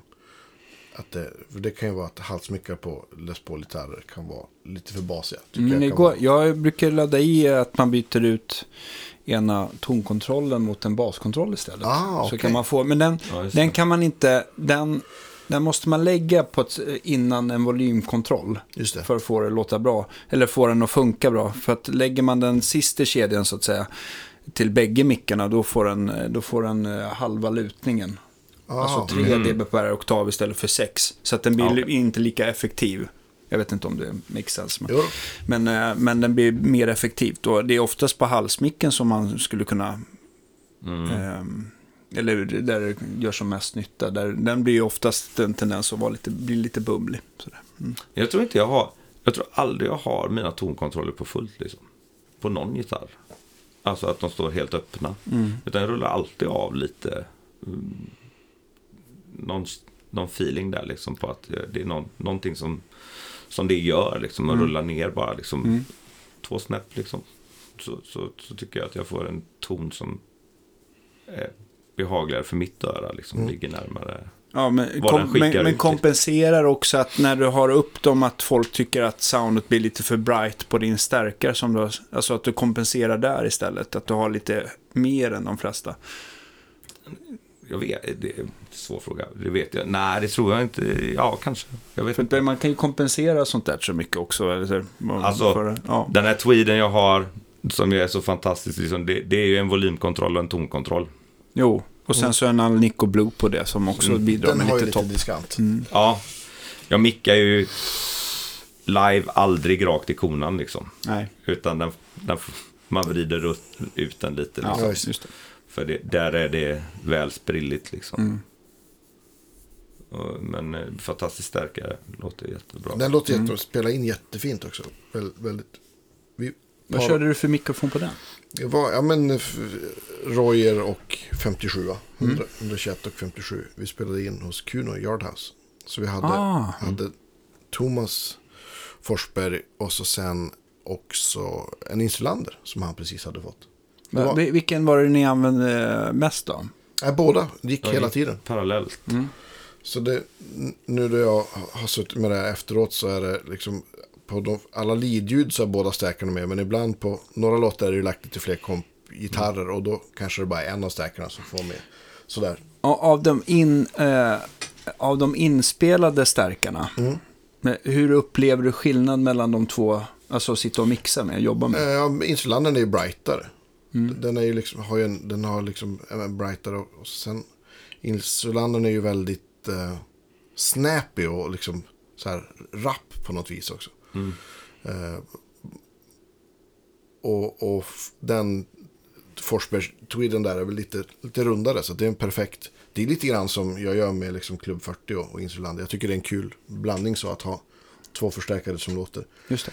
Alltså, inte, inte för att det ska vara stereo, men de fyller liksom i för varann. Ja, eller hur? Och, och Det det, är blir också en- väldigt skönt i så här mix. Bara. Men, eh, om man, och, och båda förstärkarna är mickade med Royer och 57. Då har Mm. man, liksom, man behöver liksom inte EQ så mycket mer än Än att kompensera mellan dem på något sätt. kompensera mellan dem och kanske göra lite low cut kanske. Liksom. Men that's it. Det tycker jag är väldigt skönt. Det var ju jättegött när man går ut i kontrollrummet efter en tagning liksom och så lyssnar man så bara. Ja, men gitarren låter ju rätt så klar. Ja, liksom, det, absolut. liksom, man, det fattades inget liksom i det soundet som vi fick ut med att göra så. Nej, men det, det, det, så gillar jag att spela in gitarr. Att det ska liksom låta typ klart. Man ska liksom inte behöva göra så mycket. Annars har man, har man gjort fel, eller på att säga. Eller men det är liksom, man, såklart. Bra råvara ger bra slutresultat. Ja, vi var ju jättenära. Alltså, ja, det, det är ju ett ljud som man gillar att lira på. Det är ju också skönt under tagning och känna att man inte står och funderar på det. För det har man ju varit med om ibland. Man har stått liksom och, och spelat in och så bara... Uff, nu låter det inte riktigt som jag hade tänkt. Liksom. Och då, då hamnar fokus gärna på soundet istället för på lira. Just det. Och det är ju ingen, eh, ingen Nej, jag vet. skön Det, det grej tar mycket energi. Alltså. Och, och faktum är att alltså bandmickar är ju, är ju väldigt skönt om man spelar. Då kan man kanske ha lite mer bandmickar i lyssningen. För de har ju lite liksom mindre diskant och hög mid liksom. Så att det blir lite snällare för många. Gitarr kan ju ha en tendens att låta ja, men stickigt i hörlurar. Jag tror att det är därför många inte gillar liksom, lurar eller in-ear. Liksom. Så att, och då är ju, tycker jag bandmickar är klockrent. Det blir ju, en bandmick har ju typ samma diskantavfall som ett, ett öra. Men sen så är det väl också att eh, jag tycker bandmickar, alltså den EQn som micken gör, det är svårt att ratta fram den oavsett om det är digitalt eller Ja, ja, med, en, med en passiv e eller, eller jag vill säga, analog EQ. Att det blir liksom, den, eh, den karaktären går liksom inte att få fram. Och det är samma Nej. sak med själva högtalaren. Man, det, är inte, det är ganska viktigt vilken man väljer Ja, för slutresultat. Det, alltså den här Al- Alnico Blue-högtalaren jag har i den tweeden är ju ruggigt effektiv. Jag har ju tänkt på det flera gånger liksom när man, när man står och lirar i bandsituation. Liksom, att skruvar jag på här så knäcker jag dem liksom med volym i övriga bandet. Liksom. Lätt på de här 12-15 watten vad den nu mäter. Vi mätte inte upp den exakt. Men och det, behändigt att rodda. En singel 12 liksom lätt att skruva med. Nej, jag har varit supernöjd med den förstärkaren. Liksom. Det, det, Men, men den är alldeles. grym. Jag, jag, av de här Alnico-modellerna som görs, vi har väl pratat om det i någon Mm. annan podd också, men jag, det är ju Bloon som jag tycker bäst om. Men den är ju bara på 15 watt, eller spesad för det. Så att man kan inte ha in den i, man får ju Mm. Vad vara försiktig om man skulle ha in den i en insulander till exempel, för den Ja, blir för stark. Mm.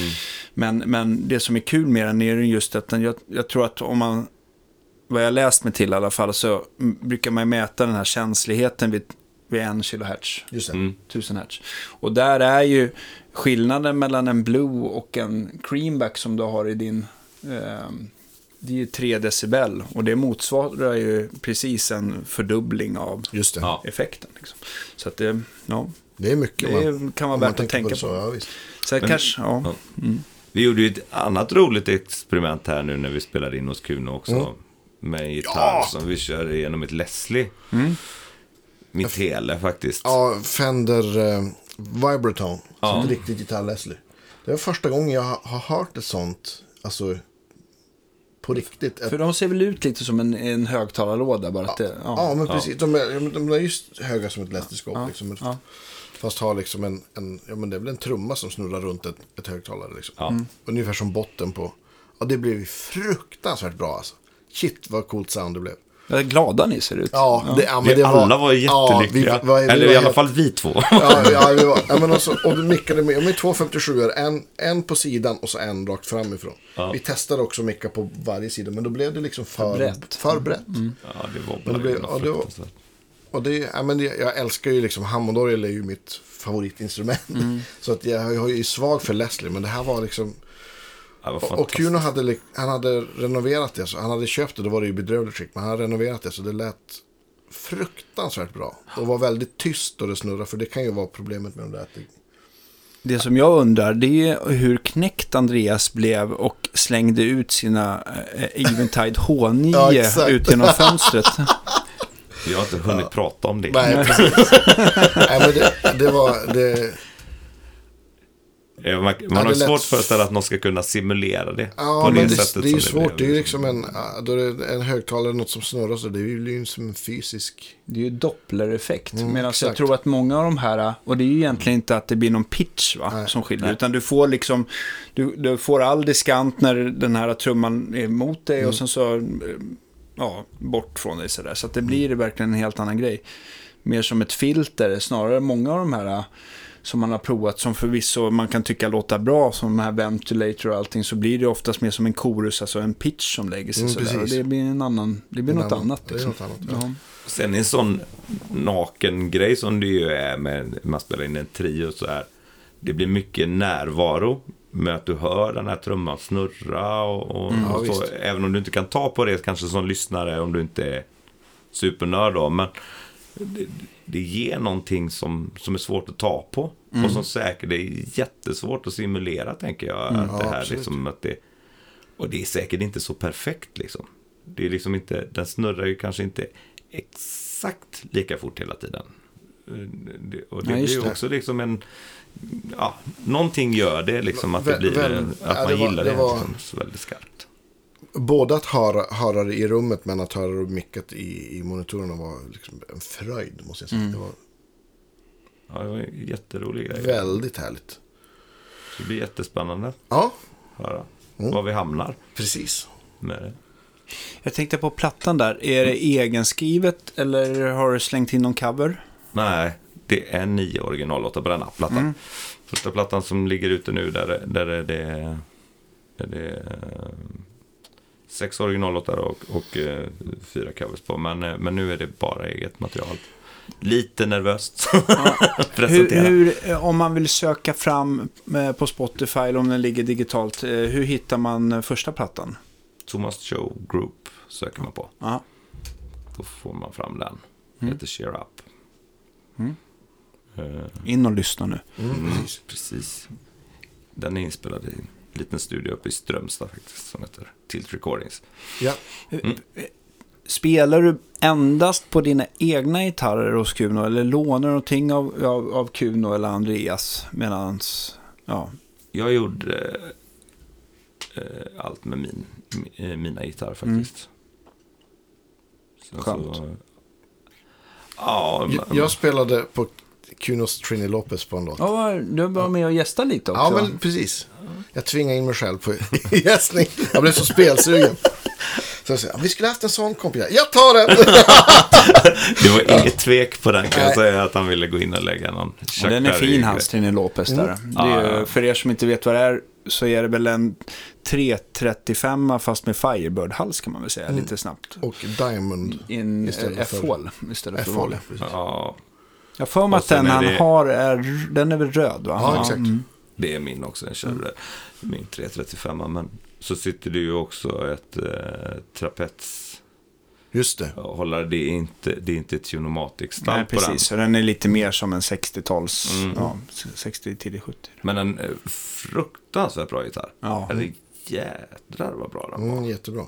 Ja, men du, använde, du hade ju mer än så mycket fina gitarrer, men du spelade ju på allt. Du spelade både du spelade TLN och du, den spelade jag också på på något, tror jag. Ja, Ja. det gjorde det nog kanske. Och sen var det Strattan och så, sen var det men Bloomfielden och R4 var också. Ja, R4, P90s. eh, Ja, så att, men så att all, och 335, så att alla Jajamän. gitarrer fick vara med. Där är ju en, en sån riktig soul blues eh, ballad på plattan liksom. som Kommer att ligga sist förmodligen. Mm. Och då, då var det, då, då skrek ju 335 på mig att tar du inte mig nu så dödar jag dig. Så, så, så det var liksom, jag hade inget val utan jag var tvungen att spela på den till Ja. den låten. Det ska vara det soundet liksom. Mm. på något sätt. Och så in i de här två stärkarna som matchar varandra jättebra. Det Mm, blev, det blev- det blev superfint. Härligt. Så den är, det är också sånt där två och en halv minuts ut, utro-solo på den låten, så det är härligt. Det- det är underbart. Så ska det vara. Men jag, jag, men jag tänker också på som, som eh, Andreas, att han har liksom, när man har hört det där med att koppla in två stärkare, är det någonting som du känner så här, fasiken, jag kanske ska göra det här eh, framöver, live eller, eller när man spelar in? För att Andreas, han, han, han, han kan ju inte spela om man inte har sin Insulander och Olsson. Han är ju också, han är också någon form av hypnotisör, så han tvingar en till att tycka samma som honom. Alltså man kan inte, man kan inte freda sig. Utan, utan det är så att det är liksom, när jag åkte hem till Göteborg igen efter vi hade spelat in grunder. Så ställde jag in väskan och tog in mina gitarrer. Och sen googlade jag Lele Split. För att koppla in två stärkare liksom. För att, eh, för man, gick igång på det. Ja, det. ja, jag har funderat. Ända fram tills jag skulle rodda. Då blir det en starkare. Ja. Men eh, ja, det är jättetilltalande att Mm. göra det live också. Faktiskt. Ja, men jag, Men jag kommer ihåg den här, om något så här Guitar World-reportage om, om en Instep-plattan där han hade liksom uppställt alla liksom myriad av förstärkare liksom. Marshalls, Dumbles, Fenders och liksom. Mm. Det är ju liksom, ja. Det är, det är härligt. Ja, men det är det. Den här eh, Vertex Ultrafonics-pedalen som jag använder så mycket som jag Mm. håller så kär liksom ska ju enligt dem då vara en, en dumbbell-simulering. Liksom. Just det. Men vem vet det då? Jag har aldrig spelat på en dumbbell overdrive special. Jag har spelat, men det var så länge sedan. Jag, har inte spelat på en dumbbell sedan sent 90-tal tror jag. För det var en kille som hette Tommy som hade två stycken. Jag tror han har ena kvar. Fy skäms. Ja. Ja. Men den var ju, den var, jag tror att han sålde den Overdrive Specialen sen. Men det, man tänkte ju då att det här är det bästa crunch-ljudet jag någonsin har hört. Men å andra sidan, jag hade inte alls lika mycket kött på benen. Och, men den, den, man, man hajade ju till bara Mm. vad bra det var. Men just när det gäller dumbbell, jag tänker så här att det ska vara pedaler som är tweedkloner och den ena ska låta som en, som en så. Och visst, det kan ju påminna om det, men jag tror att om det verkligen ska låta som en dumbbell eller Fender så måste man nog ha verkligen en sån. Jag tror att pedaler som har, man får inte, man får inte in samma krets, så att jag, tror att det, är- jag tror att det är svårt att få det exakt. Men det kan bli bra ändå. Nej, eller? det jag egentligen ville låter ju, komma... det är en jättebra kombo med din stärk. Det låter ju svinbra tycker jag. Mm. Ja, det jag egentligen ville komma till var ju att jag skiter i det Ja, faktiskt. ja, men- Om det låter som en dumbbell eller vad det nu är. Huvudsaken är ju att jag tycker att det här är mitt sound. För det ska ju låta jag. Ja, men visst. Och kombinationen mellan just den pedalen och min stärkare blev något som jag tyckte om jävligt mycket. Och det är så himla skönt att höra tycker jag. För att jag tycker att det är många som liksom väljer nästan pedaler beroende på vad folk skriver på diverse forum. Mer Ja, än sin egen smak. Så här. Är du glad Ja. eller är du inte glad? Det spelar ingen roll att... Bra där. Nej, men är det, alltså, men ibland så- är det liksom som att man bara tittar på hur många, eh, nej, mycket den här tillverkaren kan namedroppa gitarrister som använder Mm. kanske deras pedaler. Ingen som vet, kanske. Men, ehm, ja. Nej, låter det, ska- bra det- så låter det bra helt enkelt. Ja, det ska behaga örat tycker jag. Liksom. Det är det viktiga. Sen vad det är spelar inte så stor roll. Nej. Nej. Egentligen. Utan det ska låta jag. Ja. Det är viktigt. Och att man trivs med sitt sound. För man, man spelar ju jäkligt mycket efter hur mycket man trivs. Så är det. Det, är, det, är väl, det är väl gitarrismens sjukdom då. Det här med att man ständigt söker grejer för att inspireras till att, att spela. Liksom. Man ska öva så jädra mycket som man gör kanske. Men är soundet bra så, så blir du blir avslappnad, bekväm och det liksom svarar på det sättet du vill. Och det, I blues-svängen, ja, det vet ju ni som, som också jobbar, liksom, det, det, ska- det ska kännas bra. Det ska Ja, svara visst. dynamiskt på mitt anslag och på hur jag ställer min volym och tonkontroll. Och det är inte alla pedaler som gör det. Vi pratade lite om det här med tube screamers till exempel som är svårt eh, ibland. För en, en tube screamer in i en clean stärk låter ju kanske inte, om man vill använda gainen på den, är det ju inte kanske det roligaste soundet. Den var ju faktiskt inte tänkt så från början heller. Nej, utan skulle ju liksom rädda en stärkare som blev alldeles för brötig och bångstyrig på hög volym. En typ en, en superlead eller någonting liknande. ju. Men, Och det är men- det en tube gör bra. Ja, det är det, eller hur? Ja. Men som, som overdrive på en clean stärkare och framförallt kör man Les Paul med lite Ja, visst. Blir det oftast det här, den här Dubbel- skiktningen som man, precis. som man upplever i en tube screamer Olja i ännu tydligare. vattenljudet. Nej, jag är inte heller någon, jag är inte heller, men däremot, tu- Tube Screamen för mig, den låter, den låter, alltså om man tittar på olika overdrives och distar och sånt där så kan man tycka att vissa låter mer pedal Mm. än starkare. Hur deras sätt att styra över. Och Tube Screamen, den låter ju verkligen pedal liksom. Den har ganska mycket kompression och den låter verkligen typiskt pedal och överstyrning. Så här. Sen om man gillar det och, och den, den är ju lättspelad. Ja. Eh, och Ja, tycker man om eh, liksom hur den eh, känns och spelar och sånt där så är det ju bara att köra vidare. Är, Jag har ju en screamer på bordet. Ja. eh, Men den sitter där ju mest som en boost för att even out eh, mellan Stratta och, och Les Paul liksom. och du använder den då såklart när Som du ska ha stratta. Ja, men, alltså när Strattan kommer dit för att få lite mer klipp liksom. Så, så använder den för att skicka upp signalen lite in i Och den här ultrafonicsen har du ju alltid på i stort Ja, sett. den är alltid på. Ja. Där sitter en Wampler också, men den används inte så jättemycket. När du stänger av ultrafonixen, hur mycket eh, överstyrning får du i stärken? När, det är, när du inte har några För pedaler att inte igång? bli utslängd från spelställena har jag ingen. Nej, det är ganska... Den är, den är ganska clean alltså. Full, fullt öppen Les Paul så, så visst, det, det blir Det lite grus. lite, ja. Mm. Men inte, inte så mycket. Mm. Alltså det, det, den är ganska clean. Mm. Men den låter ju jättebra att styra över om man vill. En sån tweed liksom. Om Ja, du, vill, det- vill du göra Billy Gibbons ifrån Tres Hombres liksom, så, Ja. så ställer du den, vrider upp den till 12. Mm. Du kan även göra en jump mellan två kanaler på den. Men men jag tänker så här, vad jag, jag vet inte hur mycket ni har läst på om Billy Gibbons i alla fall, men man tänker ju så här att han, det är bara Les Paul och det är mycket fast face och sånt där. Men, men är inte mycket av de här gamla inspelningarna också rätt mycket tele in i Jo. just en liten, en liten tweed? Ja, men va? visst. Som, som jag- står och hoppar. Stratta också. Jag tror att Billy använde en, en brownface i och för sig. Mm. Eh, Okej. Ja, ja, okej. Mm. Den styr jag över lite till mot vad den här gör. Men, men eh, visst var det så att han spelade Strata och Tele Mm. eh, även i början. Jag vet inte när han fick Pearly Gates men, eller skaffade den. Men, eh, men det finns ju på första plattan till exempel med Just det. Francine till exempel är ju ganska rent sound. Mm. Ja, Eh, visst. Klart en Tele. Och sen så är väl den här typiska slide blues eh, instrumentalen Apologies to Pearly.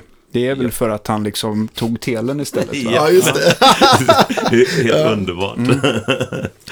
Vad, vad har du så här på, på, på Villhöver-listan? Har du något så här som du spanar på gearmässigt i dagsläget? Det finns det alltid. Jag har ju ingen 58 till exempel. En R8 vill man ju ha. Mm. Ehm. sen har jag... Det står ju något bakom Danne där. Som inte, som inte tillverkar så mycket nu. Som ju är väldigt... Eh, något brunt. Nej, men, men den kommer bli en kioskvältare. ja, Ja. Definitivt. På stärkarsidan är det ju något åt det hållet. Mm. Sen vill, man vill ju... Ja, jag saknar min gamla Marshall JMP. Som ju lät jättebra. Mm. Ända tills jag ska rodda. Mm. Men att ha en, Mm. det har varit fantastiskt.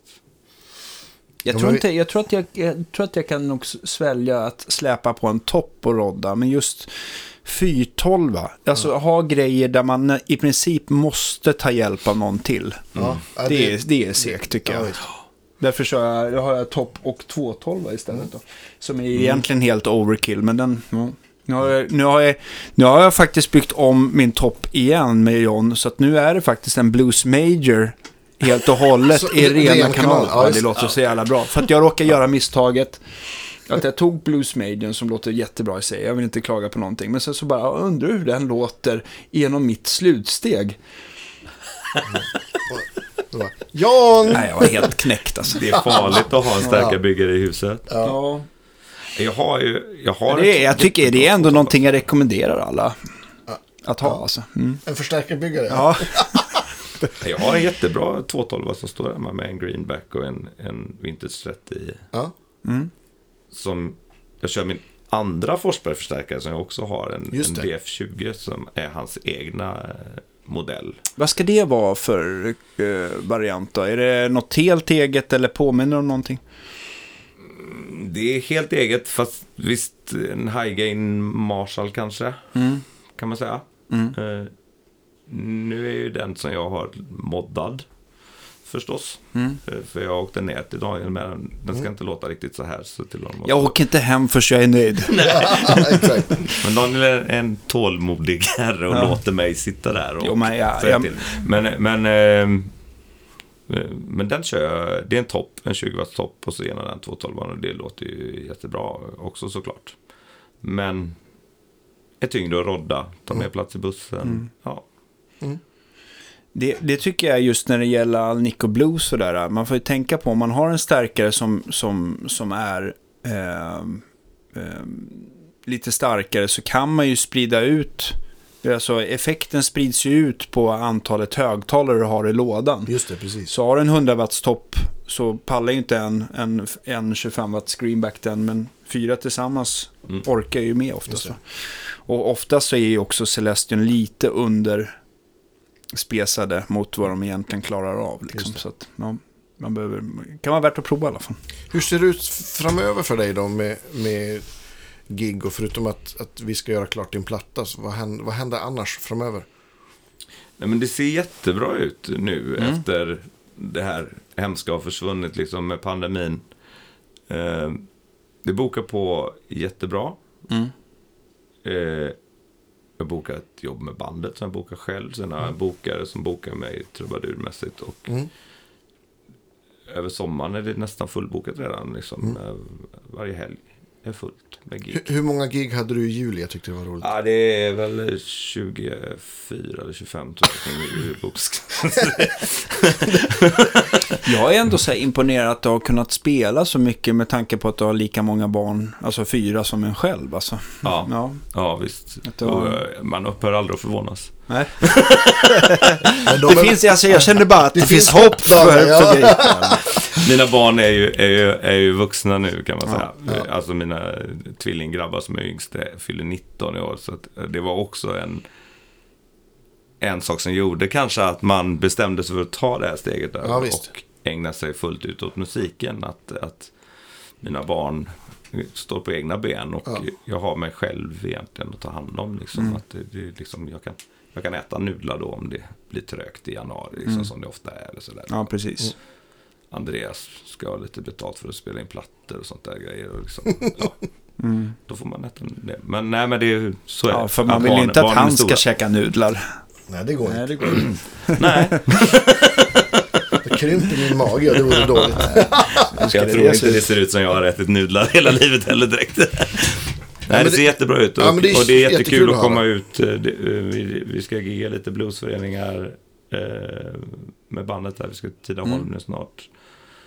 Och det blir fler här. Du får jättegärna säga om du kommer upp till, våra trakter här. Mm. Det vore ju kul att komma Det och måste kolla. vi försöka fixa till. Jag jagar på detta och komma till Stockholm här och Mm. lira. Eh, Så jag hoppas att få Men ni hade det. väl något igång på G där med, jag på säga, din granne från ön bredvid. Ja, men Mr. Bo. ja, Ja, ja, Vi har, vi har eh, haft lite snack med, med Södertälje och, och Stockholm med Arne och eh, Lasse. Ja, det. Att eh, försöka göra någon Göteborgskväll kanske. Att Mm. vi kan komma upp eh, tillsammans. Ja, det var ju kul att träffa Bosse också. Mm. Ja. ja, precis. Bosse bor på ön. Mm. Ön bredvid. Så Just det. Lite snack ibland. Försöker ni liksom köra, köra lite gitarrkommunikation mellan öarna sådär? Vrida på? Eh, eh, Dela, händer. dela lite mix? Nej då, men vi, det är klart vi snackar med varandra. "Dui, Bosse, dui." Bosse, Bosse är en cool katt liksom att ha att göra med. Och, och, Mm. eh, nej, vi har en bra kommunikation. Mm. Vi är kollegor, Mm. helt enkelt, Ja. i blues-sfären. Mm. Ja, nu är det någon kund här som rycker. Ja, ska, Oj, oj, oj. och, Jag ser bara. eh, Men äh, avsluta nu ska jag bara se vad, Ja. vad han tänker. jag, alltså, den här frågan som vi ställer alla, tror jag nog alla som har, har lyssnat vet redan vilken, vilken gitarr som åker med om, om huset. Ja, det är inget tvek. Nej, det är... Det är min eh, Bloomfield. Ja, men det förstår jag. Så är det. Ja. Den, det, den I protected with my life. jo, den måste med ut. Men Ja. även den där tweedstärkan skulle nog få åka med. Mm. De två liksom är, är Ja, du har ju två händer. Ibland så är vi ju snälla så får man liksom ta en sak till. Barn och, och sambo är ute. Ja, men, Och hunden. precis. Allt sånt. Allt, Mm. men, men, precis. Men, men det, är, det är nian absolut. Mm. Alltså, bara känslan av att det står serienummer 168 av 300 är ju... Gör att, Ja, men det är trevligt. ja, Det är, inte, det är framförallt en fantastisk gitarr. Så att, ja, det, jag förstår det verkligen. det, det, är, det är ett magiskt instrument. Mm. Och, och, Ja. eh, Ja, det är, kanske, en gömd gitarr. ja, jag förstår. Mm. Kanske ingen spoiler, men, men Thomas, Thomas Det brinner i huset gitarr är ju, var ju Blomfielden, är nian såklart. Ja, utan tvek. Ja. Ja. det kan jag förstå. Ja. När man hittar en sån där gitarr som sjunger på det sättet, då är det, det är värt mer än utseendet på något sätt. Vad Men heter... den har ju också fått stryk. Alltså, den är ju inte, den är inte direkt mint condition om man Nej. säger så. Men den är, den är inte Murphy Age, den är Thomas Age. Liksom. Ja. det, Precis. Så är det. Men kan man lämna gitarrer till dig? Att man Mm. får en, liksom en, en, en turnésommar och Precis, se? och få välja hur många gig. Jag skulle vilja ha 30 gigs agning för en Förutsatt att det är en Gibson Les Paul Custom Shop R9. Alltså, ja, visst det går kommer bra. de. Nej, Vad då- roligt. Ja, jag, jag, jag rolig tänker en service. 58 kanske du kan tänka dig att spela på eftersom du inte hade någon också. Ja. Du, Ja. du kan tänka dig att prova över sommaren. Ja, det skulle jag kunna tänka mig. att Hasa runt på den. Förutsatt att man har egen försäkring då. Mm. Ja, ja, ja, absolut. Mm. Lite Nej, på jag- egen risk får du. Precis. Men visst är det konstigt hur man växer ihop med ett instrument liksom. Jag, Ja. jag, det, det, den, är, den är liksom så, jag spelar på den varje dag liksom. Måste liksom alltid, ja, den är bäst den här gitarren. Liksom. Man blir så jäkla är helt... upptagen av den. Liksom. Har, har du haft mycket så här anekdoter eller problem med folk som ska upp på scenen och eh, gräva efter dina gitarrer och vill spela på dem? Det har hänt. Ja, Eh, det har det. Och då är man inte glad, nej. helt enkelt. Ja, men för en Les Paul är ändå lite känslig för fall och... Ja, men eh, visst. och eh, Nej, man, man, man försöker försvara sig med näbbar och klor. Som är det. det kommer ju alltid någon som ska eh, få kolla på din gitarr. Ja, på avstånd går bra. Mm. Men jag vill inte att du spelar på den. Men det, visst har det hänt. Man har gått ner i paus och så helt plötsligt är man bara, fan är det nu? Så står det någon där och vevar på gitarren och så man bara, hur tänker du liksom? Varför, vad gör du? Men jag hade en annan fruktansvärt rolig grej här för ett tag Ja, sedan. Berätta. spelade på, på en krog i Göteborg nere i Mölndal och, och eh, det är ganska stor. Ja, 400-500 gäster kanske någonting sånt där. Mm. Och så är det en kille, jag står och gör mitt, min encore liksom, spelar Purple Rain. Mm. Maxi-versionen med liksom tre minuter gitarr. Ja, på slutet. Ja. Jättehärligt att få avsluta fan, kvällen. Och det är en kille som står, han står jättenära och stirrar på min vänsterhand under he, nästan hela solot. Jag kanske har knappt någon minut kvar. Så ruskar han på huvudet och går. Bara mitt i liksom. Han bara drog. Så kommer en av vaktkillarna fram till mig direkt när jag har gått av. Du, eh, han kom bort till mig så sa han, han var ganska slirig han, jag vet nu, det är inte han som spelar. Det är omöjligt. Man kan inte träffa rätt så många toner. Nej, det är förinspelat. Så gick han. Fan vad roligt! Det är helt fantastiskt. Bara, Fin va? komplimang, roligt att han blev, han blev arg. Ja. Ja. Så man, man kan få lite goa skratt ibland. Det är härligt. Sådana. Fan roligt ändå. Ja. Ja, då- man sträckte ju lite på sig liksom. Ja, såklart. växte Ja, liksom. Ja, får, om, man, om man blir dissad på det sättet, då är det ju bara, får gärna folk göra. Ja, det är härligt. Ja. Roligt. Vilken ära killar. Ja, Ja, för stort tack hit. att du, Ja, du fantastiskt. kom här. Nu ska vi... eh, Och om exam. Nej, vi, ska nog, vi kanske ska äta något och så sen ska Thomas sjunga faktiskt. Ja, Mm. Så precis. Det är det som står Ja. på agendan. Ska ni åka, ska, lägger ni på sång hos dig Ja, eller hos åker mig. ni till Kuno? Nej. Mm, ja. Så att, eh, ja. ja. Det Men, jätteroligt. tänkte att en, en podd är väl en bra uppsjungning, tänkte jag. Jag har ju inte, jag har inte lyssnat på, på grejerna sen vi spelade in den heller. Faktiskt någonting. Så jag är Det lite kanske blir slagsmål. Ja, Vad fan har du gjort? Ja, det, Han är faktiskt ganska bra på att brottas har jag hört. Men, ja, det, jag, har, jag har ju midi-triggat alla gitarrer så att... Alltså, det jag är, det jag är kvack och voff. 1,70 lång och har T-rex-armar. Jag lärde mig tidigt sparka hårt och först. T-Rex armar, vad roligt. så, så löser det sig även om Andreas kan brottas. Liksom. Ja. Välriktad Ja. spark så, så har jag övertaget där. Det är så snällt. var beredd på det. Ja, ja, men stort tack till alla av våra Patreons och eh, kaffe och tröj och muggköpare och sånt. Ja, Och vi hörs såklart nästa vecka. jajamensan. Ha det så Hej då. bra. Hej då.